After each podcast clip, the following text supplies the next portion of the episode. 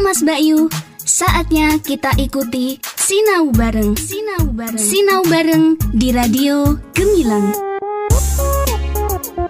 Kawas Bayu sahabat Milang, Assalamualaikum warahmatullahi wabarakatuh Salam sejahtera untuk kita semua Om Swastiastu, Namo Buddhaya Salam kebajikan, Rahayu Kawas Bayu kembali lagi berjumpa di 96.8 FM Radio Gemilang Jendela musik dan informasi Kamas Bayu kita kembali bersama di satu saja acara Pembelajaran jarak jauh via radio yang akan ditampilkan Bapak Ibu Guru Kabupaten Magelang yang berkompeten dan juga bersemangat untuk kembali menghadirkan materi-materi yang sangat bermanfaat buat anak didik di Kabupaten Magelang.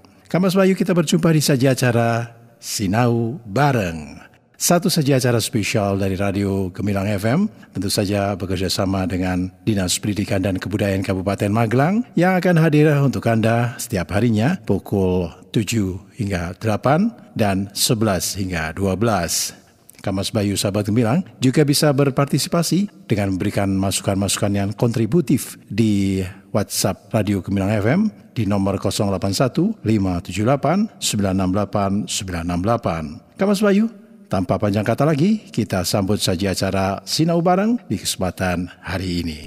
Sinau Bareng di Radio Gemilang. Gemilang.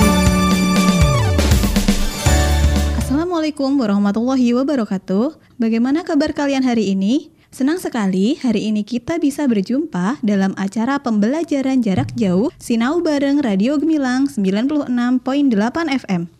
Sebelum kita mulai pembelajaran pada hari ini, perkenankanlah kami memperkenalkan diri. Saya, Bu Ruby, guru bimbingan dan konseling dari SMP Negeri 4 1 Atap Salaman, dan rekan saya, Bu Sofi dari SMP Negeri 3 Salaman, guru bimbingan dan konseling. Dalam waktu 30 menit nanti, kami akan memberikan layanan bimbingan pribadi tentang tiga kata ajaib untuk kehidupan sehari-hari. Sebelum memulai layanan pada hari ini, marilah kita berdoa menurut agama dan kepercayaan masing-masing. Untuk yang beragama Islam, kami pandu dengan bacaan basmalah bersama-sama. Bismillahirrahmanirrahim. Terima kasih. Oh ya Bu Sofi, dalam kondisi sekarang ini di mana kita diberi cobaan berupa pandemi COVID-19, kami paham siswa dan siswi di rumah pasti merasa jenuh, bosan, stres, tertekan, lelah, bahkan takut dengan segala macam tekanan yang ada. Nah, sebelum memulai materi hari ini, kami akan memberikan sedikit tips dalam menghadapi perasaan-perasaan tersebut. Tips yang pertama adalah kita harus beradaptasi dan menyesuaikan diri, termasuk menjaga kebersihan diri dan lingkungan, sesuai dengan protokol yang sudah dianjurkan. Jangan lupa memakai masker jika keluar dari rumah. Tips yang kedua, kita perlu melakukan hal yang baru. Cobalah terus-menerus hingga kita terbiasa. Tips berikutnya, tips yang ketiga, kalian bisa mencoba cara copying stress atau bisa disebut juga 4T. 4T adalah tahu, terdekat, tepat, dan Tuhan.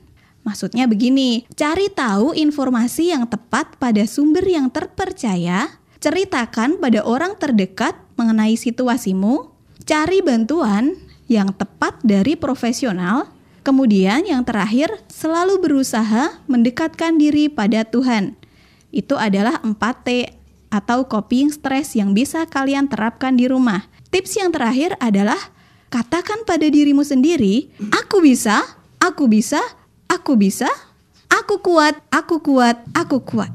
Nah, itu dia tips dari kita bisa kalian coba terapkan di rumah. Semoga bermanfaat. Baik Bu Sofi, mari kita langsung masuk ke dalam materi hari ini. Baik Bu Ruby, materi layanan hari ini kita akan membahas materi layanan bimbingan pribadi yaitu tentang tiga kata ajaib untuk kehidupan sehari-hari. Mengapa kita harus membahas materi tersebut? Karena dalam membina hubungan antar sesama manusia, sering kali ungkapan atau kata-kata yang dapat memberi energi positif pada orang lain tanpa sadar selalu saja sering kita abaikan. Akibatnya, hubungan yang terbina lambat laun akan kehilangan energi positifnya. Karena tanpa dilandasi dengan ketulusan.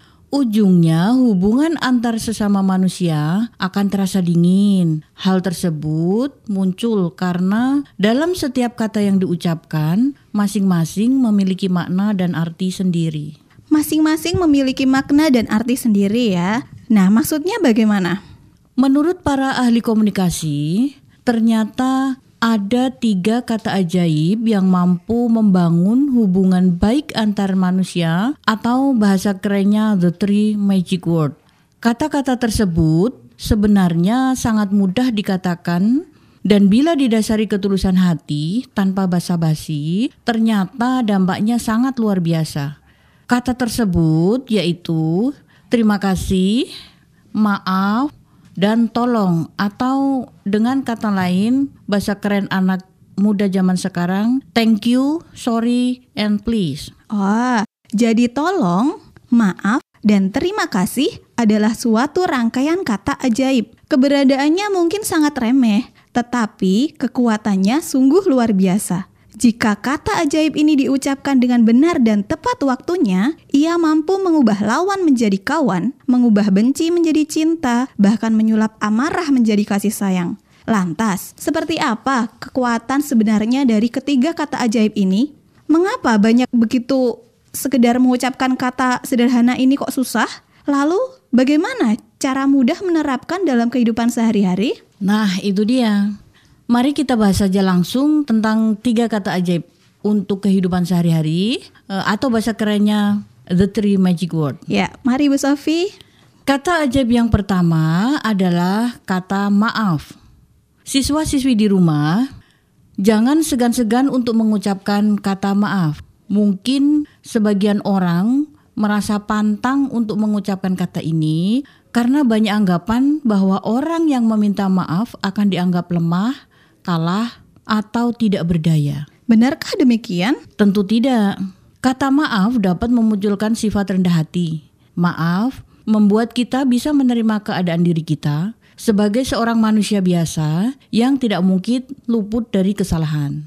Maaf dapat membantu kita dalam proses memaafkan diri sendiri yang pada akhirnya dapat membawa diri kita ke proses memaafkan orang lain. Maaf bukan berarti kalah, tetapi sebaliknya. Maaf membuat kita belajar menghargai orang lain yang pada akhirnya akan membawa kepenangan yang tak terduga pada diri kita.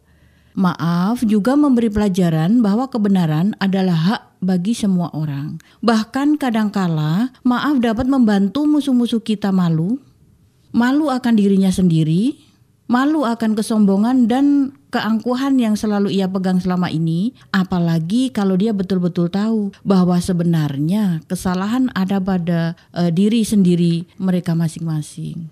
Kalau misalnya nih Bu Sofi, misalnya permintaan maaf kita tidak diterima, bagaimana? Jangan pernah khawatir. Bukankah di dalam lubuk hati terdalam setiap manusia akan selalu ada keinginan untuk memaafkan dan mengampuni orang lain? Maaf memang membutuhkan keikhlasan bagi yang mengucapkannya.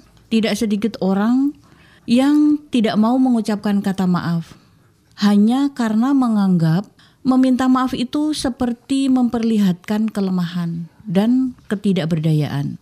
Padahal tidak demikian. Sebaliknya, justru dengan meminta maaf dan memaafkan membuat kita semakin mulia bukan hanya di sisi manusia tetapi juga di sisi Tuhan. Dengan meminta maaf akan menumbuhkan rasa kasih sayang di antara sesama. Jadi, siswa-siswi di rumah kesimpulannya begini. Jangan ragu-ragu untuk mengucapkan kata maaf dan buka hati kita serta hancurkan kesombongan kita. Mari berpikir secara sederhana. Entah akan dimaafkan atau tidak, biarlah menjadi urusan belakangan. Setidaknya kita telah mengucapkan kata maaf. Kalian perlu tahu, seseorang akan berada di level yang lebih tinggi jika dia berani mengakui kesalahannya, meminta maaf dengan penuh ketulusan, dan menerima konsekuensi atas tindakan yang dilakukannya. Betul sekali yang dikatakan oleh Bu Ruby. Kemudian kita lanjutkan dengan kata yang kedua, yaitu tolong. Coba menurut Bu Ruby, Kata tolong yang bagaimana yang harus kita terapkan dalam kehidupan sehari-hari? Misalnya begini Bu, Ada sebuah cerita singkat. Suatu hari ada dua orang yang tengah memerlukan bantuan kita. Orang pertama berkata, "Tolong ambilin bukuku di meja."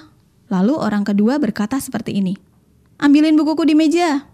Nah, dengan posisi sebagai penolong, orang yang dimintai tolong nih, mana kalimat yang membuat kita merasa dihargai? Tentu kalimat yang pertama dong Bu Ruby. Betul tidak siswa-siswi di rumah? Ya, nah itulah dia sebagai kita sebagai seorang penolong pasti akan lebih ikhlas dan senang jika ada yang meminta pertolongannya dengan menggunakan kalimat yang sopan dan enak didengar bukan kalimat yang membuat si penolong merasa dijadikan seorang pesuruh karena diperintah seenaknya jangan menganggap dengan menggunakan kata tolong berarti kita merendahkan diri kita tidak seperti itu Menggunakan kata tolong berarti kita menghargai dan menghormati orang yang hendak memberi kita bantuan. Selalu ingat bahwa kita adalah makhluk sosial, di mana kita akan selalu membutuhkan pertolongan orang lain. Jika siswa dan siswi di rumah dalam urusan meminta tolong saja tidak baik, apakah kalian yakin orang lain mau membantu ketika sedang kesusahan? Tentu tidak, karena setiap orang tahu kalau kita adalah makhluk sosial, makhluk yang tidak mungkin mampu hidup sendiri tanpa orang lain. Jadi, kata tolong adalah kata yang sangat wajar diucapkan.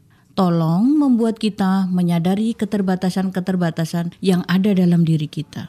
Tolong juga membuat kita lebih mampu menerima diri kita sendiri secara apa adanya. Dan juga tolong membuat kita lebih mampu untuk melihat secara jernih apa yang bisa dan apa yang tidak bisa kita lakukan. Dan dalam proses lebih lanjut, hal ini dapat membantu kita untuk menerima setiap kekurangan yang ada dalam diri kita. Terkadang nih, sebagian orang merasa malu untuk berkata tolong. Kenapa malu, Bu? Karena secara tidak sadar, sebagian orang ini merasa terdidik untuk menjadi orang yang mandiri. Mandiri maksudnya bagaimana, Bu? Mandiri bukan berarti kita tidak membutuhkan orang lain ya. Mandiri bukan berarti menjadi egois dan tidak pernah melibatkan orang lain. Mandiri adalah sebuah proses penemuan jati diri. Dan setahu saya, kata tolong ini akan sangat dibutuhkan untuk menuju kemandirian. Dan jika tidak, kita akan tersesat kepada sebuah keegoisan. Jadi siswa-siswi di rumah, pada intinya kita jangan ragu-ragu untuk meminta tolong kepada seseorang, kepada teman-teman kita atau kepada orang yang kita temui karena di dalam hati seseorang pasti selalu ada keinginan untuk menolong orang lain tentu di dalam hati kecilnya akan selalu muncul harapan agar bisa membantu dan berarti bagi orang lain. Ya, benar sekali. Ini adalah suatu insting alami yang telah diberikan oleh Tuhan kepada setiap manusia. Jadi kembali lagi siswa-siswi di rumah hargailah orang lain dengan meminta tolong. Buatlah dia merasa berharga, biarkan dia merasa lega dan bahagia karena bisa menolong Jangan malu untuk meminta tolong kepada orang lain, termasuk orang-orang yang kalian benci. Karena biasanya kebencian itu akan runtuh saat kasih mengalir dalam sebuah pertolongan yang tulus. Hal ini menyadarkan kita bahwa kita tidak bisa melakukan sesuatu tanpa bantuan orang lain dan membuat kita menerima diri kita apa adanya. Sungguh indah kan jika kita hidup saling tolong menolong? Ya. Yeah. Kemudian setelah maaf dan tolong, kata ajaib yang ketiga apa ya Bu Ruby? Kata ajaib yang ketiga adalah kata terima kasih. Terima kasih? Iya. Kata-kata yang sering kita lupakan saat kita menerima bantuan dari orang lain. Memang, bagi sebagian orang sangat sulit untuk mengucapkan kata ini karena kata terima kasih membutuhkan sebuah ketulusan, tatapan mata yang hangat, serta membutuhkan sentuhan kasih. Ya, betul sekali Bu Ruby. Kita harus menyadari bahwa sebenarnya bantuan yang diberikan orang lain kepada kita, apa pun itu bentuknya, tidak akan bisa tergantikan. Banyak orang berusaha membalas budi kepada orang lain, tetapi sering kali hal ini malah melahirkan kekecewaan, bahkan permusuhan. Karena tidak akan ada budi yang bisa terbalaskan. Contohnya, mata tidak mungkin diganti dengan mata kan? Ya, betul sekali. Gigi mungkin bisa digantikan dengan gigi? Tidak mungkin. Hidup tidak akan mungkin digantikan dengan hidup. Berarti ungkapan terima kasih memang seharusnya disampaikan secara tulus. Iya, benar sekali. Bukan hanya sebagai suatu rutinitas dan budaya atau iklim belajar mengajar saja. Ungkapan terima kasih ini, siswa-siswi di rumah dan yang tulus dan antusias akan mendorong orang untuk semakin banyak memberi dan melayani orang lain. Penghargaan kepada seseorang berupa materi itu baik, namun hal tersebut belum berarti apa-apa dan belum bermakna jika tidak disertai dengan ungkapan terima kasih yang tulus. Bagaimana jika yang memberi bantuan tersebut adalah bukan orang yang kita kenal, Bu? Terus bagaimana jika memberi bantuan tersebut adalah orang tua kita? Serta bagaimana jika yang memberi bantuan tersebut adalah malaikat mungkin? Dan bagaimana jika yang memberi bantuan tersebut adalah Tuhan? Mampukah kita membalasnya? Jawabannya simpel ya, sangat mampu. Bahkan sudah ada peribahasa atau perumpamaan terima kasih lebih mahal daripada uang. Kok bisa? Nah, contohnya begini. Contoh sederhana ada di sekitar kita. Di luar sana, banyak orang yang beranggapan bahwa ketika kita sudah menyerahkan uang, semuanya sudah selesai begitu saja. Padahal kan tidak. Contohnya, waktu kita belanja, belanja dari barang yang paling murah sampai paling mahal. Setelah barang diberikan kepada kita dan kita memberikan uang, pasti dari penjual mengatakan, terima kasih. Dan kita pun membalasnya, terima kasih kembali atau sama-sama. Nah, terima kasih untuk apa? Ya untuk waktu, perlakuan, dan ucapan antara penjual dan pembeli. Lain ceritanya, jika ketika kita membayar dan menerima barang, si penjual tidak mengucapkan terima kasih atau malah membuang muka. Kita pasti akan kesal, marah, dan tidak ingin lagi kembali ke toko tersebut kan? Betul juga, dengan kata terima kasih dapat membuat kita belajar menghargai orang lain, dapat membuat kita berdamai dengan sesama, dengan alam, dan juga dengan Tuhan. Berarti, siswa-siswi di rumah bisa kita simpulkan bahwa kata terima kasih tidak kalah ajaibnya dengan kata maaf dan kata tolong. Sepertinya kata-kata ini sudah sangat jarang kita dengar akhir-akhir ini ya Bu ya. Iya. Mungkin sebagian dari kita sudah mulai lupa mengucapkan tiga kata yang sebenarnya ajaib ini. Siswa-siswi di rumah, mari kita renungkan sudah berapa lamakah kita mulai lupa mengucapkan kata-kata ini kepada orang tua, saudara, tetangga, teman, atau bahkan terima kasih kepada Tuhan? Ya, mari kita mencoba untuk membiasakan menggunakan ketiga kata ini. Kata terima kasih, kata maaf, dan kata tolong jika berinteraksi dengan orang lain. Secara ikhlas, maka aliran energi positif dalam hubungan saling menghargai dan dihargai akan tercipta. Nah, Semakin dewasa, kita akan semakin sadar mana yang baik dan mana yang buruk, mana yang pantas diucapkan dan mana yang tidak. Salah satu cara agar kita bisa dihargai orang lain nantinya ya dengan cara bagaimana kita menghargai orang lain. Ya, betul sekali. Mulai sekarang, siswa-siswi di rumah, mari bersama-sama kita mencoba untuk tidak lupa menyisipkan kata tolong, maaf, dan terima kasih dalam berinteraksi dengan orang sekitar kita. Begitu juga dengan kalian yang ada di rumah siswa-siswi. Nah, kalian ketika mengirim pesan kepada bapak atau ibu guru, jangan lupa menggunakan kata maaf, tolong, dan terima kasih. Nah, Maaf, tolong, dan terima kasih ini saling berkaitan satu sama lain. Tiga kata ini mau diucapkan secara terpisah atau digabung, maknanya akan tetap sama. Sama-sama cara untuk menghargai. Ya, betul. Jangan lupa untuk berterima kasih, jangan gengsi untuk meminta maaf, dan jangan sombong untuk menyisipkan kata tolong. Semoga kita semua dapat menuju ke arah yang lebih baik. Demikian Bu Sofi penjelasan kita tentang tiga kata ajaib pada hari ini. Nah, sebelum kita akhiri, ada baiknya kita melakukan sedikit games atau permainan singkat agar siswa tidak bosan. Nah, siswa-siswi di rumah silahkan tirukan ya. Bu Sofi akan memberikan arahan. Silahkan Bu Sofi. Baiklah, mari kita segera lakukan saja. Siswa-siswi di rumah, Silakan mengikuti dan dihafalkan ya.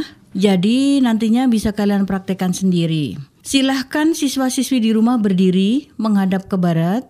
Sudah. Sudah. Kemudian kepalkan tanganmu dan angkat.